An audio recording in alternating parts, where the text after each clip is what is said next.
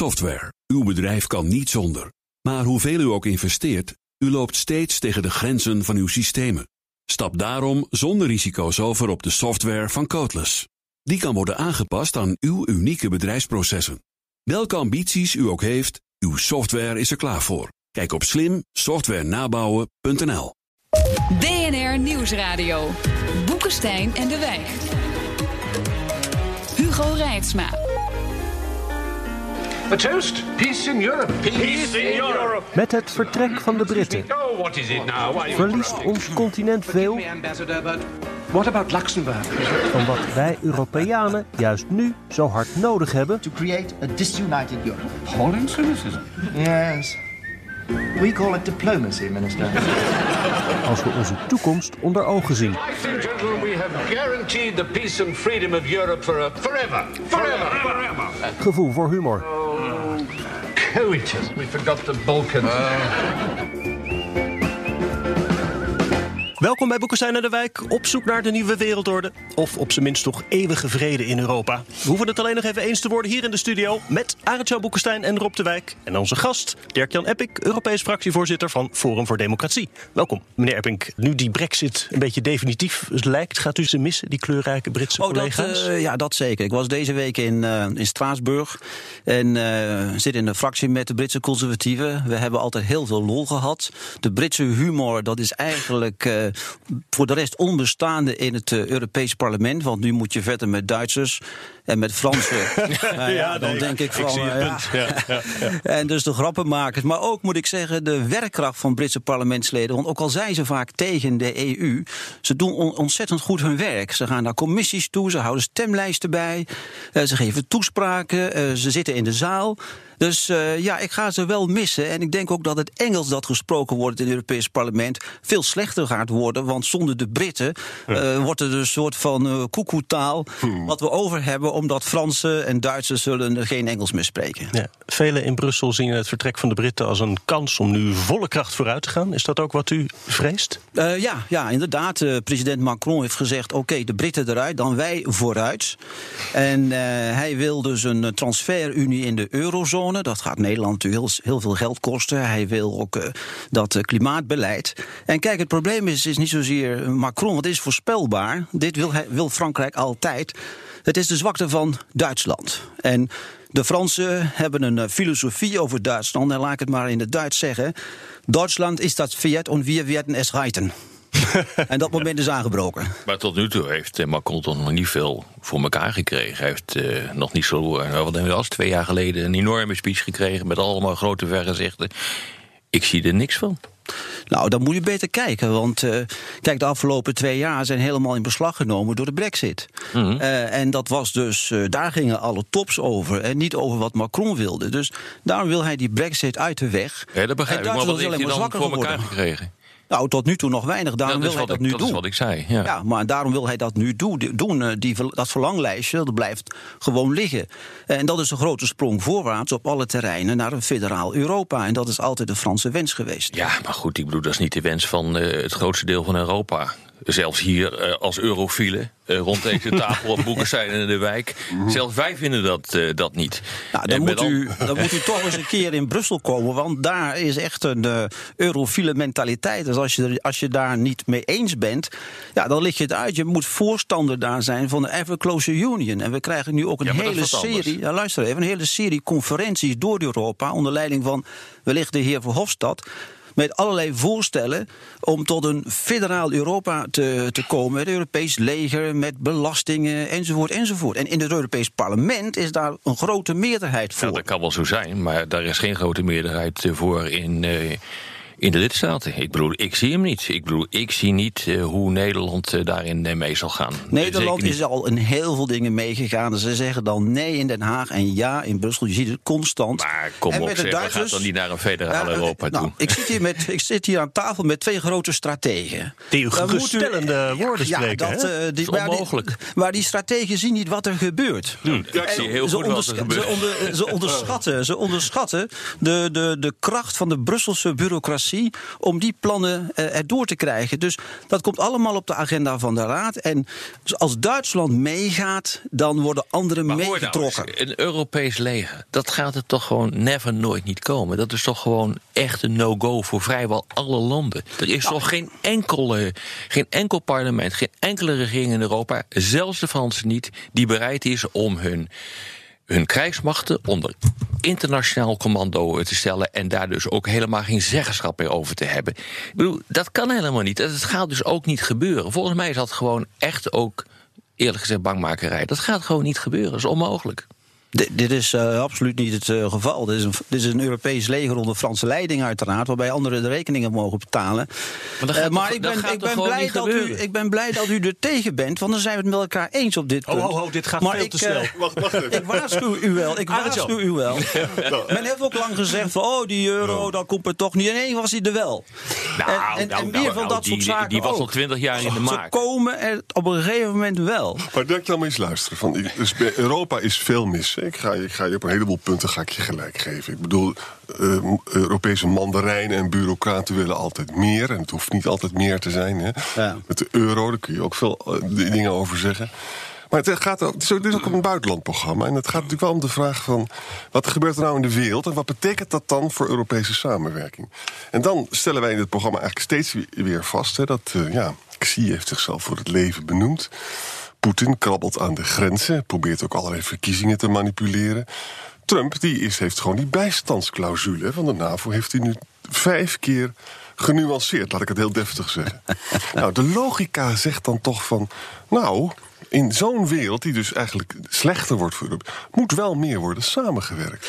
Eh, kijk, daar ben ik het mee eens. Maar Europese samenwerking op buitenlands terrein heb je alleen als Frankrijk, Duitsland en Groot-Brittannië hetzelfde voorstaan. En wat we nu hebben in de Europese Unie is een buitenlands beleid en een, een, veiligheidsbeleid met eh, 28 landen. En eh, iedereen heeft een veto. En die mensen die vergaderen eindeloos over, en, over van alles en nog wat. Maar men kan de problemen niet, eh, niet. Men komt niet tot een akkoord. En als men tot een akkoord is, is het probleem vaak al opgelost. Dus het, eh, het werkt eenvoudigweg niet, dat maar, beleid. maar, maar dat klinkt als een pleidooi Mag ik voor... nog even, even uitwerken? Want het is ook zo. Dat als dat bijvoorbeeld de West-Europeanen iets willen, dan zeggen de Amerikanen: Weet je wat, we hebben wat vrienden zitten in Oost-Europa. Dus Trump die wil, die heeft eh, de Amer- Amerikaanse ambassade laten verhuizen van, eh, van Tel Aviv naar Jeruzalem. Eh, de EU wilde dat veroordelen, maar Amerikanen bellen gewoon Roemenië, Bulgarije en Tsjechië op. En die landen zeggen: Ja, Amerikanen zijn het met je eens, we gaan het blokkeren. En tegelijkertijd- zo wordt het dus geblokkeerd van En binnenuit. Tegelijkertijd ben je bang voor een federaal Europa met dit zootje wat je nu beschrijft. Dat maar kan federaal- helemaal niet? in federaal Europa wordt het allemaal nog veel erger. En wat ik dus bepleit is, als je een buitenlands beleid wilt hebben... dan moeten Frankrijk, Duitsland en Groot-Brittannië het eens zijn. En dus de Britten blijven van belang eh, voor ons. En we moeten een verschil maken overigens tussen Europa, het continent... en de Europese Unie, een organisatie. Je zegt terecht dus dat eh, eigenlijk is Europa dus een economische reus en een politieke dwerg. Hè? En je wijst op de verdeeldheid en, en, de, en de disunity. Maar ja, je zou, als je dat een probleem vindt, dan zouden we eraan moeten denken van hoe kunnen we dat dan sterker maken? Misschien een kleiner Europa, maar misschien dan wel bij bepaalde besluiten, eh, besluiten per meerderheid. Ja, kijk, ik ben eigenlijk voor een coalition of the willing. Dus je hebt eh 28 lidstaten en de Duitsers, de Fransen en de Britten zijn het met elkaar eens. En dan kunnen zich landen daarbij aansluiten. En andere landen kunnen zeggen dat interesseert ons allemaal niet. En dan he- kun je optreden namens een organisatie of namens eh, Europa.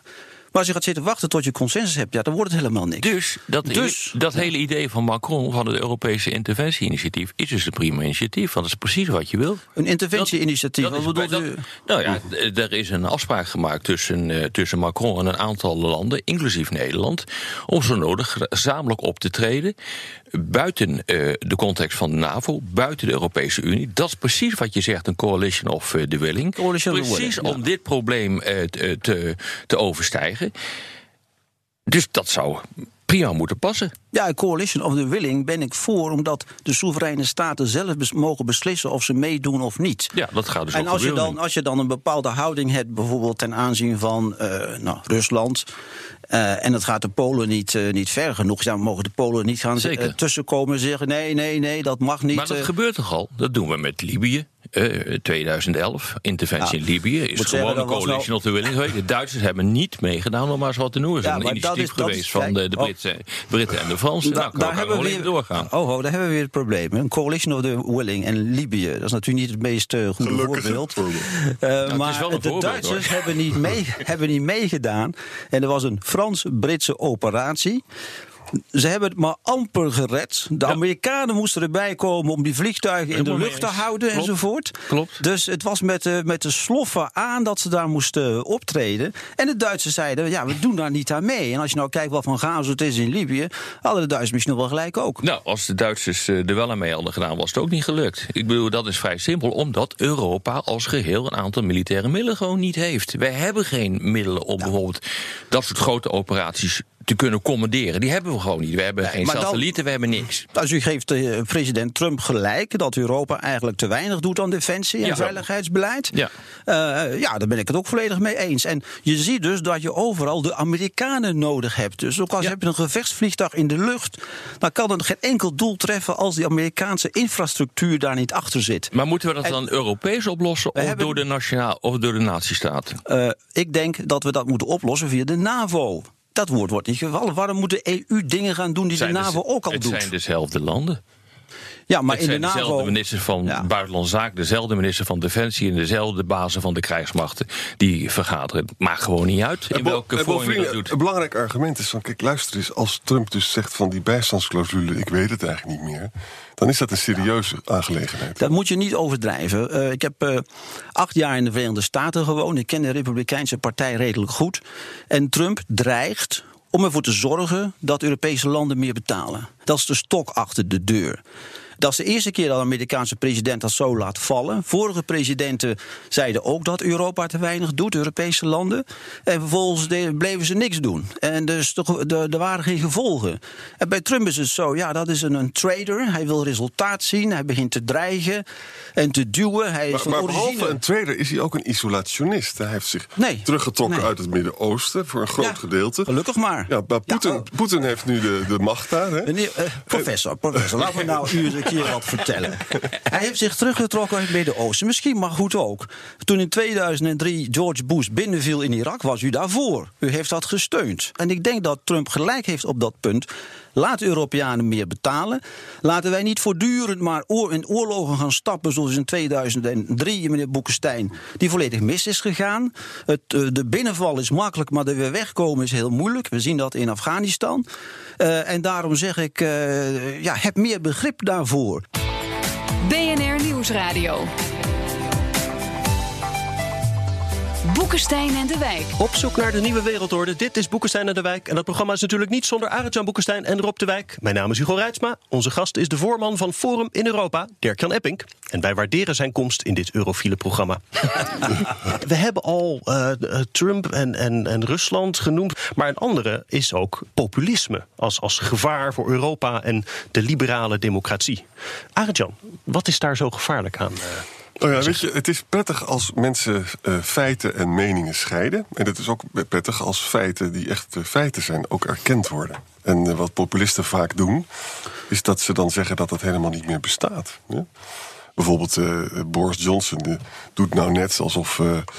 als, de- als Engeland uit het Verenigd Koninkrijk gaat, dat dan een geweldig handelsverdrag met Amerika komt en dat alles in koekenij is. Terwijl je er een beetje dan. Dat kan helemaal niet. Je, krijgt, dan chloorkippen om je oren. En je krijgt die dure Amerikaanse medicijnen. Dus er is helemaal niet zoveel ruimte voor een eh, verdrag met de Amerikanen. Bovendien is het zo dat, ja, luister eens, eh, de, de gemeenschappelijke markt gaat natuurlijk vragen: je moet alignment, je moet onze regels overnemen. En dat zal hij moeten doen. Ja, maar, maar wat was dan eigenlijk het punt van Brexit? Hè? En dat, dat soort analyses vallen allemaal van tafel als je eh, eh, populistische Nou, als je, voor Epping, eh, eh, als, je, als je nou kijkt naar hoe die hele brexit tot stand is eh, gekomen... ben je dan blij met het resultaat die het uiteindelijk heeft opgeleverd? Nou, laat me daar het volgende over zeggen. U spreekt steeds over populisten, maar in mijn geval zouden we moeten spreken over realisten. Al in een vroeg stadium heb ik altijd gewezen op de gevaren van een Europese eh, eenheid die te ver gaat. Die probeert al die verschillende landen en culturen op elkaar te drukken en een soort eenheidsworst te maken van het eh, continent Europa.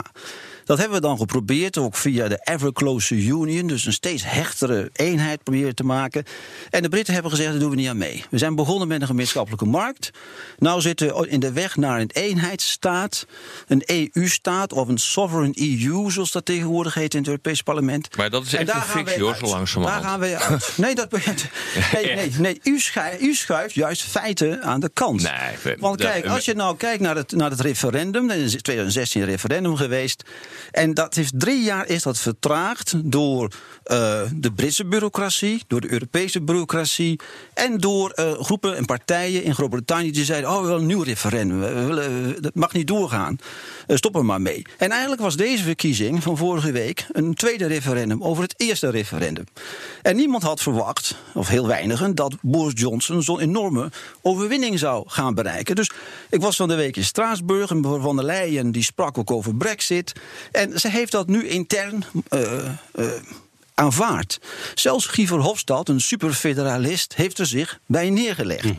Dus eh, de, je kunt Ja, zeggen, kunt ook en, niet en- ik mag zeggen, ik sprak ook in de, in de gangen eh, Nigel Farage, die ik eh, ook vrij goed ken intussen. En ik heb gezegd, jij bent de eerste politicus die hier ooit in het Europees parlement is gekomen met twee zetels. Maar de vraag- in 99 Ja, was wacht even, hij maar- en een begrafenisondernemer. En na 20 jaar heeft hij zijn doel bereikt. Maar de vraag is. Ben je nou blij met het resultaat of niet? En is dit bijvoorbeeld een, voor, een, een voorbeeld voor andere landen, bijvoorbeeld voor Nederland? Nou, ik ben blij dat, eh, dat die eh, brexit is doorgevoerd... omdat de mensen zich hebben uitgesproken in een referendum daarvoor. En wat Nederland betreft, zover zijn we nog niet. Eh, we gaan eerst kijken hoe dat gaat met, met de Britse economie enzovoort. Al die rampverhalen die werden afgekondigd door de media... dat de economie zou instorten, de beurs zou instorten. Niet gebeurd. Jouw grote leermeester Bolkestein, die was heel kritisch over referenda. Die zei altijd van luister eens, waarom zou het zo zijn dat de meerderheid van de bevolking gelijk zou hebben? Ja. Wat we nou zien in, in Engeland is een klassiek voorbeeld van... Oh, wacht eens even. Wie heeft dan gelijk? Een zelfbenoemde elite heeft gelijk. Nee, Nou, dat lijkt mij toch niet. Nee, maar luister. je moet toch ergens... Maar je moet toch- 51% van de Britten die doen dat Brexit. Moet je je voorstellen. 52. Wat betekent. Oké, die procent geef ik je. Nou, gaat dus Engeland is in eentje op de deur kloppen bij XI. Hè? Want die gaan natuurlijk uit het Europese handelsverdrag met China. Zeg ja, mijn naam is Boris Johnson en ik kom een handelsverdrag sluiten. Als je, moet je je voorstellen, de grootste gemeenschappelijke markt van de wereld... die heeft dus leverage naar XI toe. Die kan de dingen doen. Nu ga je dat... De, wereld van de nazistaten is Luister, voorbij. nee, Ze zijn heren, allemaal heren. te klein. Je hebt samenwerking nodig. Laat me eerst, als u bent beide strateeg. U heeft uw droom van een wereld van multilateralisme. Maar de wereldorde, eh, meneer eh, De Wijk, eh, wordt geschapen door grote mogendheden. Zeker. En die zijn er nog. En dat zijn allemaal zelfbewuste nazistaten. Eh, de Verenigde Staten zelf, een jonge staat eigenlijk. China, de Volksrepubliek. Eh, China is een, een, een, een natie met van duizenden jaren. Zeker. Rusland, En daarom- honderden jaren. en daarom Dus bereik je zijn- niks dat in je zijn eentje. Staten, dat zijn staten die weten wat ze willen. Dus dat multilateralisme, Nee. dat gaat zo makkelijk Nee, niet. de Je hebt te maken met grote We hebben, het over, we hebben het over Europa. en we maar hebben het niet over superstaat Nederland. Dat waren Nou, we ooit in de 17e eeuw. De Britten is eigenlijk ook gewoon inmiddels niks meer. Nou, dat is heeft, niet waar. Geen, Nee, heeft, geen, heeft gewoon geen invloed. Nee, Ik bedoel, je noemt, je noemt een aantal staten, zoals de Verenigde Staten, eh, China. Nou, Rusland zou ik niet eens mee willen. eh, Ook al niet, eh, oké. Nou ja, dat heeft de economie van de Benelux en is zelfs kleiner dan Italië. Ik bedoel, dat is, een, dat is niet een geopolitieke speler die de wereldorde bepaalt. Dat is een speler die in staat is om, om rommel te trappen. Maar de Chinezen en de Amerikanen kunnen dat wel. En gek genoeg de Europese Unie als regelsupermacht van, van de wereld. Dus, maar, maar Nederland op zich kan dat niet. De Britten op zich niet. Ja, ik bedoel, ik heb wel eens eh, tegen de Britten gezegd: van het is eigenlijk jammer dat je geen eiland kan, eh, kan ruilen met Hawaii. Want je, zou, je ligt nu gewoon aan de verkeerde kant van de Verenigde Staten. Dat zou gewoon geweldig zijn als je, Ja, je als je kunt- daar zou zitten. Hè? En eh, met andere woorden, eh, het gaat om twee supermachten, ben ik het helemaal met je eens. Maar de, en de rest van de spelers zijn te klein. En de grote vraag is of de Europese Unie met al die lidstaten in staat is Een. Om, om een tegenmacht te vormen. Dat is een grote vraag. Nederland kan dat niet. Dat is onmogelijk. De Britten Laat- kunnen laat- dat ook maar niet. u spreekt u over handel bijvoorbeeld. Mijn ervaring in Brussel met handelsakkoorden is dat wij daar eindeloos lang over onderhandelen. En de belangrijkste onderhandeling is in de EU zelf. Daar is het vaak heel moeilijk. Zeker. Omdat eh, men bepaalde maatregelen wil nemen. Laten we zeggen de Verenigde Staten of, eh, of China, je noemt twee landen. En dan gaan de leiders van die landen bellen. Met bijvoorbeeld de Duitse bondskanselier. En die gaat weer bellen met de voorzitter van de Europese Commissie. Die zegt: wel, wel een beetje rustig aan hoor. Want, eh, Het zoveelste dat- bewijs dus- dat die superstaat en die federatie er nooit komt. Nou, iedereen zit met elkaar te bellen en iedereen is met elkaar oneens. Uiteindelijk Ja, in de kijk, democratie. eh, Maar dat is mijn proces punt. Kijk, dit is mijn, dit is mijn punt. Men probeert nu iets te doen wat niet kan. Die superstaat. Dat loopt op de klippen. niet. Dat loopt Nee. op de klippen. En als wij als Nederland zitten in de eurozone. Wij moeten dus een transferunie waarin Nederland een pinautomaat wordt. Wij moeten betalen en betalen. En dan vind ik dat moet je aan de mensen vragen: wilt u dat? Wilt u dan zo'n superstaat? Nou, laten we kijken hoe het in Groot-Brittannië gaat. Over een jaar eh, is het allemaal meegevallen enzovoort. Zelfs in Polen zijn er mensen die pleiten voor, eh, voor een uittreding uit de EU. In het Poolse geval van de subsidies lijkt me dat niet zo voor de hand te liggen, eerlijk gezegd. In elk land zijn er uit- Maar eh, wij, voorstanders van je uittreding. moet uiteindelijk de mensen vragen: wilt u dat? En dat is een referendum. En ik vind u toch wat, ja, wat arrogant spreken over, over de democratie en een uitspraak van een bevolking. Laat de mensen bepalen. Het is hun Wat geld, hun portemonnee. Wat hebben we gezegd dan? Ik heb gezegd Nou. dat Bolkestein het probleem heeft met het referendum. En dat Nee, is zijn maar, leermeester. Nee, maar, maar leg, le- leg mij nou eens uit. Hè, gewoon als, als burger, ja, als Europarlementariër. Op welke manier de Europese Unie mij het leven verzuurt. Want dat is ongeveer het idee wat ik eh, krijg. Eh, en, en, en, dan- en dan afgezien van vergezichten die allemaal nog moeten, Nou. Eh, eh, moeten uitkomen. Zoals een superstaat of een echte federatie of wat dan nou. ook. Of een Nou, transferunie. Maar geef mij dat nou eens aan, waardoor mijn leven echt gewoon ondraaglijk wordt door de Europese Unie. Nou, ik weet niet hoe het is met uw spaarvermogen. Maar eh, we hebben dus de eurozone en we hebben een, een 0% rentebeleid van de Europese Centrale Bank. Dat betekent dat iemand, een spaarder, die bijvoorbeeld 30.000 heeft gespaard in de, in de periode van 10 jaar, met de inflatiecijfers van Klopt, nu, klopt. een dat geldt van dat- zijn vermogen Klopt. kwijt is. Maar dat Maar bent dat dus Denkt u dat u dat leuk Maar dat, vindt? dat geldt ook voor Japan. de- dat Dat dacht u- geldt ook voor Japan. Ja, Dat maar we de leven niet in. Japan, meneer De Wijk. We leven in Nederland. Het leven- we leven Je in hebt een gepensioneerd. Als je nou gepensioneerd hebt, je bent misschien net nog niet gepensioneerd. Eh, de heer Boekenstein ook niet, ik ook niet, nog net niet. Als je dan kijkt naar de koopkracht van gepensioneerden, die wordt volledig ondergraven. Maar dat geldt Wij ook voor dat, Japan wij en zeggen dat geldt voor de Verenigde Staten. Dat heeft niks Ja, met de Europese Unie te leven maken. niet maar in dat de komt wel Verenigde in Staten. En maar we leven, Luister. in, we leven in een gemondiale, eh, gemondialiseerde U- u, u, zit economie. in een, je zit in een ruimteschip ver boven de wereld. Nee, helemaal Maar u niet. ziet Nee, niet wat de problemen zijn van gewone mensen. Dat is het Dirk-Jan, nog even- En de politicus moet Ook- dat wel doen. Dirk-Jan, nog even over Trump. Heijn, hoor. Nog even over Trump. Luister eens. Kort, jongens, Wij, kort. wij kennen elkaar lang. Hè? En Trump is iemand die, die zegt dat hij conservatief is. Maar dat is hij eigenlijk helemaal niet. Hè? Want de conservatieven die willen graag op de centjes passen. Fiscal prudence. En die vinden, heel belangrijk, instituties minstens zo belangrijk dan de wil. Nou, wat zien we nou bij Trump? Een gigantische schuldvergroting. En eh, voortdurend eh, zeggen dat het volk het wil wat hij daarom moet doen. Dat is niet de positie die jij in je leven hebt ingenomen. En Bolkestein al helemaal niet. Dus la- wat is er met je gebeurd? Nou, ik zal niet willen zeggen, meneer Boekenstein, wat is er met u gebeurd? Ik ben hetzelfde gebleven. Nee, nee, nee. nee. Er zijn veel mensen die dat niet zeggen. Wat vroeger Arendt veel is echt geradicaliseerd. Dat Ja. maken we iedere keer eh, mee in dit eh, programma. Ik ben hetzelfde gebleven. Kijk, Ik ook. Nou, nou dat, dat eh, betwi- dat betwist ik. Eh, bij Trump is het, kijk, bij Trump is het zo dat hij eh, meer schuld maakt. Obama maakt er nog meer schuld. Maar Trump komt wel met een groeiende economie. Met de laagste werkloosheidscijfers in de geschiedenis van de Verenigde Staten. Ook voor minderheden. Ja, maar op de dus poffen. hij heeft wat voor te leggen. Hij Volgens heeft wat voor te economen leggen. komt dat dankzij dus Obama. economen- Ah, nee. Dan komt u met, met Paul Krugman aanzetten bijvoorbeeld. Nou, die zit er altijd naast. Ik eh, had er Maar niet bij mag, ik u, mag ik u een vraag stellen? In 2016, wat had u voorspeld wie de president zou worden 2016? Oh, ik had niet eh, Trump uitgesloten hoor. Ja, nee, het is ja, het een of de ander. Ja, exact. We lijken wel een CDA. Oh, met die woord. Op de podcast hebben we wat meer tijd. Dan gaan eh, eh, Dirk-Jan en Arend-Jan eh, praten over eh, wie nou precies is geradicaliseerd. Eh luistert u op de radio, dan verwijs ik naar iTunes, Spotify of bnr.nl. Vragen van luisteraars. Maarten van Wedi vraagt: hoe kunnen we als westers vrij handelsblok een vuist maken tegen China en helaas ook de VS? Ja, nou ja, eigenlijk nou ja, maar daar zal Epping ook wat tegen zijn. Eigenlijk zou je die tip weer moeten hebben. Wil je echt een, wil je echt een vuist maken tegen China? En qua, eh, qua geschiedenis, qua cultuur, qua politiek staat het land echt heel erg ver af eh, van Europa. Dus eh, dit is ook niet een land waarvan je wil dat hij de boel hier komt domineren. Ook nu net weer in, eh, in Rotterdam is weer een flink deel van de haven gekocht, een, een terminal. De vraag is of je dat, of je dat wil. Wil je echt een, een, een, een, een dam opwerpen, dan zul je moeten samenwerken Am- met Amerika. VS, ja. En dat betekent TTIP, dus het, eh, het transatlantische eh, pact, wat dan eh, weer in ere moet worden hersteld. Amerikanen moeten gaan samenwerken met, eh, met eh, de, de landen in de, in de Indo-Pacific. Met andere woorden, gewoon samenwerken. En, Ja. Maar, dat, maar, Nee, maar, misschien- maar, dat- maar misschien dat, mag dat ik- wordt niet echt geaccepteerd op dit ogenblik meer. Misschien, misschien mag ik een paar dingen zeggen. In het Europees Parlement is een van mijn taken het verwelkomen van Chinese delegaties in het Chinees.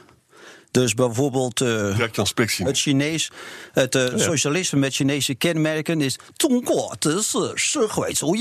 Ah. Nou, dat vinden ze prachtig. dus dan doe ik dat zo ongeveer 10 minuten. Ik krijg veel applaus en praat met die mensen. En kijk, ja, China timmert aan de weg en wil een plaats onder de zon. Terecht. En dat is hun recht. Ja. Niet ten koste van anderen, maar op zich is dat hun recht. En het aanleggen van die spoorlijn, ja, als landen meewerken, is dat ook hun recht. Eh, ze treden wel eens op, zoals je zegt, als loan sharks. Dan geven ze een lening. Ja. Bijvoorbeeld in Pakistan. En dan kan Pakistan je terugbetalen en zeggen: Nou, dat is prachtig, maar die haven is nou van ons. Eh, dus eh, ze zijn harde zakenmensen. Ze denken in termen van geld. Klopt. Heel belangrijk bij hen. En dus als je dat zo een tijd doet, ga je die mensen leren kennen. En vind ik dat we een beetje omzichtig moeten omgaan met China. En daar niet met de bottenbijl moeten gaan opslaan. Zo van: we gaan jullie isoleren. eh, komt er niet dat in. is ook je wel- niemand, zegt, niet. niemand zegt dat. Iedereen Nou die wel. ja, je bent wel bezig met een grote alliantie en China dit en dat. Ik nou krijg ja, een som ik bedoel, ik weet iets van internationale betrekkingen. Zo werkt dat nou eenmaal. Dit is, puur, dit is gewoon pure machtspolitiek. Inderdaad, zoals Aanjan zei, dit is balance of power. Dit is gewoon wat er gaat gebeuren. De vraag is, in. In welke mate wil je laten overvleugelen door China op dit ogenblik? Belt and Road, eh, het 17 plus 1 format... waarbij 17 Europese landen nauwe betrekkingen aangaan met China. Ik bedoel, prima, je moet handel drijven. Je moet goede, eh, je moet goede relaties aangaan met China. Maar tegelijkertijd wil je niet dat het wordt omgezet in politieke invloed. Dat is gewoon Ja, maar wat dat je is- niet wil in dit eh, deel van de wereld. Is, het is natuurlijk wel zo, als China zo'n zo'n eh, spoorlijn aanlegt, dat het automatisch strategische belangen krijgt. Exact, exact. En die spoorlijn is ook zo aangelegd dat die precies samenvalt met, met, die, met die strategische belangen van China. En die andere landen worden ingekocht of omgekocht of wat dan ook. En die doen dan Ja. op een gegeven moment. Mogen wij dan alsjeblieft eh, binnen Europa en misschien wel als Europese Unie Nou. daar wat van vinden? En mogen wij dan misschien ook nog wel eens een keer een besluit nemen om dat zoveel mogelijk tegen te gaan. Of het in ieder geval in goede banen te leiden. Om zoveel mogelijk, Maar van onze, onafhank- om, om zoveel mogelijk van onze onafhankelijkheid overeind te, te houden. Ja, maar wilt, Investeringsbeleid? dan, wilt u dan bijvoorbeeld die spoorlijn halverwege aanleggen of zo? Nee, Of, nee, nee. eh, We willen gewoon... Eisen eh, Lapland of, eisen eh, stellen en reciprociteit. Het kan toch niet zo zijn dat, er, eh, dat het eenrichtingsverkeer is... dat wanneer eh, Europese bedrijven in China willen gaan investeren... een joint venture willen aangaan dat ze hun technologie moeten overdragen. Dat De- kan toch gewoon niet? De Ik bedoel, dan moet je toch Nou ja, Daar ben ik het mee eens. En de enige die nu een, een China-strategie heeft, dat is de Verenigde Staten. Eh, nou, in de Europese Ja. Unie ook. Nou, daar, Maar- daar maar zie ik weinig van hoor. Daar zie ik weinig van. Chris Z vraagt: eh, hoe denk je met een Nexit veevoer te kunnen importeren uit Brazilië en de eindproducten goed te kunnen exporteren naar grootmachten als China en de EU? Ze zien ons aankomen. Nou, kijk, eh, veevoer kun je van overal eh, importeren. Bovendien, eh, wat handelsverdragen verdragen betreft, hebben we de Mercosur. En ik vrees dat dat zelfs niet door het Europees Parlement komt. Dus u kijkt mij wel aan, maar dan moet u ook de, hele linkse, de hele linkse garde van het Europees Parlement aankijken. Wat je merkt is dat idee van multilateralisme, eh, globale handelsakkoorden, eh, European governance als een voorbeeld voor de wereld, eh, global governance, ja, dat is op zijn grenzen gekomen. En je ziet dus dat grote mogendheden, en dat is mijn punt eigenlijk, hun voet op de rem zetten en zeggen: wij gaan dat even anders oplossen. En de eerste die daar nou mee begonnen is, is de Verenigde Staten. Want de handelsrelatie tussen eh Verenigde Staten en China was ze- zeer onevenwichtig. Zelfs de Democraten zeiden dat. Hè, In- tussen, tussen Nederland en China is hij nog veel onevenwichtiger. Ja, en wat, hebben, wat, heeft, wat heeft Amerika gedaan? Nou, Amerika is een, een offensief begonnen. Heeft gezegd, we gaan eh, onderhandelen daarover. En ja, dat is vervelend voor China. Maar daar heeft Trump natuurlijk wel gelijk in. In die zin dat hij in zijn eigen land... in hele delen van de Verenigde Staten... de middenklasse heeft verloren. En China heeft er een middenklasse bij gekregen. Maar die en dat is de basis ook van zijn electoraal succes Maar die, geweest. maar die analyse klopt, maar de ellende is... Amerika kan dat alleen doen als Europa ook aan dezelfde kant van het touwwerk, touwwerk trekt. En nu is het zo dus dat, eh, dat hij met Europa ruzie maakt. Het Nee, tweede nee, is, nee, de. Uitkomst, de uitkomst is hiervan misschien een regionalisering van de wereldeconomie. Dat is voor een handelsland als Nederland nooit goed. Wij hebben internationale regels nodig. Dat je arbitrage dingen, dat je je export kan doen. En jij pleit eigenlijk voor een wereld in de 19e eeuw met het recht van de sterkste. Nou, wij zijn niet de sterkste, kan ik je vertellen. Wij hebben regels nodig. En dus met andere woorden, waarom ben je toch zo veranderd? hè, Jan? En dan zeg ik, oh meneer professor Boekenstein, u bent niet meegekomen met de tijd. u leeft nog in het pre-Trump tijdperk. En u heeft ook niet gezien wat de redenen zijn waarom Trump gekozen is. Men Nee. wil die analyse niet maken. Jawel, wel. Maar zeker de democraten niet. Hij, hij heeft je net gelijk gegeven. De, de, de stagnatie van de middenklasse in Amerika is het spiegelbeeld van Ja. de opkomst van de middenklasse. Daar heb je helemaal gelijk in. Maar waar het nu om gaat is dat, luister eens, als, als we allemaal protectionistisch gaan worden, dan hebben we dus de fout van de jaren 30. Hè. Daar moeten we voorkomen. En dat populisme, dat brengt ons meer terug bij dat regionalisering. En daar worden we armer van. Dat moet iets niet de bedoeling. Het, het, het pop- je begint weer over populisme en dan kijkt dat naar mij. Eh, ik bedoel, eh, Je moet naar iemand ik- kijken. Je moet naar iemand kijken. Ja, je kunt ook in de spiegel kijken. Gaat lekker dit. Rob Roenhorst die vraagt: in hoeverre zou een federaal Europa mogelijk zijn met behoud van soevereine waarden als bijvoorbeeld defensie om zo tegenweg te bieden aan machtsblokken buiten Europa? Rob die zoekt een soort middenweg tussen iets federaals en behoud van nationale Nou ja, staten. wij hebben al, we we weten niet eens wat de Europese Unie is, hoe je dat moet benoemen. Het is geen superstaat, het is geen echte federatie zoals Duitsland. Het is geen confederatie. We hebben er niet eens gek genoeg een naam voor, voor de Europese Unie. Sui Het is- generis. Nee, ja, het, is een, het is een club eh, van eh, soevereine landen Ja. die een, op een paar kleine gebieden hun soevereiniteit inderdaad hebben Het is een beetje de coalition of the willing van meneer Epping. Nee, dat is het ook weer niet. Nee, het is markt is nee, er zijn een aantal dingen die Ja. we inderdaad kwijt zijn geraakt. Ja. Eh, monetair beleid. Eh, voor, dat geldt voor de eurozone. Eh, de grenzen. Eh, je, kunt dat niet meer bewaken op, op, een, op een no- normale manier. Zoals, dus, maar tegelijkertijd, weet je, zijn we wel in zeer belangrijke mate verantwoordelijk. Bijvoorbeeld voor onze defensie. Dat is niet multilateraal eh, geregeld. Eh, we kunnen er nog steeds een klerenbende van maken. Ik bedoel, mag ik even eh, aantonen wat er de afgelopen week weer in Nederland is gebeurd? Dat heeft niks met de Europese Unie te maken. Hè. Ehm, eh, de Europese Unie neemt voorstellen aan om te komen tot het komen van de meest innovatieve economie van de wereld. Het is allemaal niet gelukt. Het zogenaamde Lissabon-project, eh, wat eh, begin van deze eeuw is afgesproken, is allemaal, heeft allemaal tot niks geleid. En Epping eh, geeft natuurlijk ook goed aan waarom dat tot niks leidt. Omdat iedereen met iedereen zit te bellen. Men continu, eh, men, men continu eigenlijk een- in een soort halve ruziesfeer verkeert. Met andere woorden, ik bedoel, ik heb totaal geen enkele vrees voor dat dat ooit nog eens een keer Maar dan, wordt. voor mijn begrip, meneer Epping, bent u vooral bang voor zo'n Europese superstaat? Of vindt u de samenwerking zoals die nu is al te ver gaan? Moet dat teruggedraaid? Nou, kijk, eh, logische de, de, voorzitter van, de voormalige voorzitter van de Europese Commissie, de heer Barroso, eh, in een, eh, op een moment van waar hij het niet meer wist, dus begon hij te spreken over een federatie van nazistaten. Eh, en dat kan natuurlijk ook niet. En bovendien Nee, noemde hij de Europese Unie de, de rechtsopvolger van het Romeinse Rijk. Of dat nou zo gelukkig gegrepen was. Of van het Heilige Roomse Rijk, denk ik dat dat zou beter-. Ja. dat zou beter Dat zou kunnen. beter zijn, ja. Maar, maar Dirk, wat ik bij jou zo bewonder, want je bent natuurlijk gewoon een fantastische man in alle opzichten eigenlijk. Hè. Je bent een hartstochtelijk voorstander van die supranationale gemeenschappelijke markt die we hebben. Dat is zoveel beter dan wat we in het uh, interbellum hadden. Hè. Dus gewoon de, dat je vrij kan handelen, dat daar regels Vrijhandel, voor gelden. ja, vrijhandel. Ja. Vrijhandel is een van Ja. de belangrijkste principes. Ja. Zeker voor een, eh, voor een handelsland. Dus, En eh, binnen, je- en binnen je partij moet je dat misschien ook wat sterker, Nou, dat dat, geluid eh, laten horen. dat, dat, dat, kijk, maar ik wil even. even Maar de Brexit, de Brexit even- nou, die, die, die, eh, die gaat daar dus tegen in, tegen Ja. die Ja, maar luister, de, de, de, de Mercosur, dus dat verdrag. daarbij is eigenlijk het probleem dat de Duitsers en de Fransen, als die het met elkaar eens zijn, dan dat wordt het. Als die, het, eh, dus die onderhandelen onder elkaar en die zeggen, de Duitsers zeggen we willen auto's exporteren naar Zuid-Amerika en de Fransen zeggen dat ook.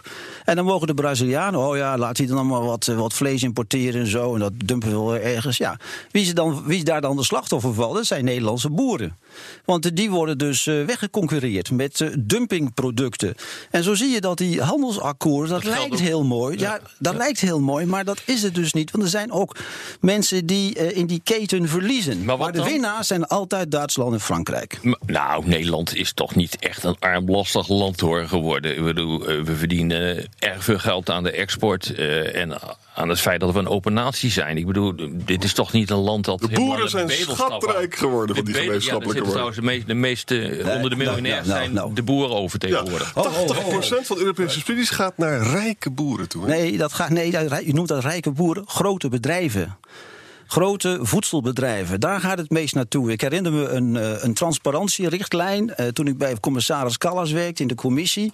En toen werden de eindontvangers van de landbouwsubsidies bekendgemaakt. En er was ook geloof ik de Britse koningin was erbij, Ja. een tal van sterren en andere figuren. Maar de hoofdmoot waren grote voedselbedrijven. Multinationals, die worden gevoed door de landbouwsubsidies. En men denkt dat het bij de boeren komt, dat is helemaal niet waar. De boeren krijgen ook een deel, maar veel kleiner. Peter Pieters vraagt: Is Dirk-Jan Epping ervoor dat Schotland zich bij de EU aansluit? Nou, dat moet Schotland zelf wezen. En dan moeten ze, dan moeten ze een, referendum organiseren. Als groot Europeaan zal Dirk-Jan dat verwelkomen. Erik Dek vraagt: Wanneer stoppen jullie met dit waardeloze programma? Nou, dat is voor uh, u beiden. Ik heb een, ik heb een goede tip voor hem.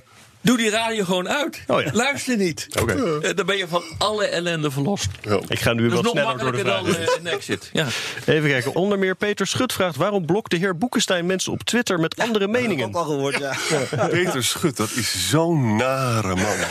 Ik hoop dat hij luistert. Dat is zo'n man, zo'n autoritaire persoonlijkheid... die voortdurend loopt te schelden. Peter Schut, ik zal je altijd blijven blokkeren. Nou zeg. Eh, Niels Floor, eh, deze dialoog, ik, ik denk dat hij doelt op eh, de dialoog t- tussen jullie hier aan tafel, is hard nodig om andersdenkenden dichter tot elkaar te laten komen. Uiterste domineren het politieke debat en er is haat van weerszijden. Dat valt hier reuze mee, merk ik.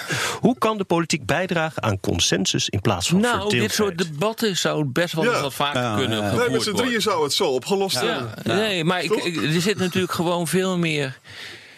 Ik bedoel, wij zijn geen politici, dus we hoeven ons niet te bedienen van politieke retoriek. Ehm, en dat doen politici wel. Eh, maar door dit soort eh, debatten kom je wel volgens mij dichter bij elkaar hoor. Ja, Ja, we kunnen een partij oprichten. Hey, alsjeblieft. ik wil maar geen politicus worden. Dit was weer Boekenstein en de Wijk. Namens Arendt en Boekenstein en Rob de Wijk zeg ik dank voor het luisteren. Speciale dank aan Dirk-Jan Epping en tot volgende week.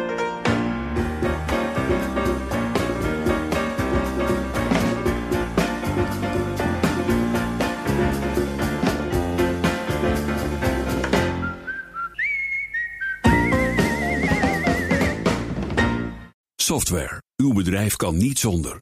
Maar hoeveel u ook investeert, u loopt steeds tegen de grenzen van uw systemen. Stap daarom zonder risico's over op de software van Codeless. Die kan worden aangepast aan uw unieke bedrijfsprocessen. Welke ambities u ook heeft, uw software is er klaar voor. Kijk op slimsoftwarenabouwen.nl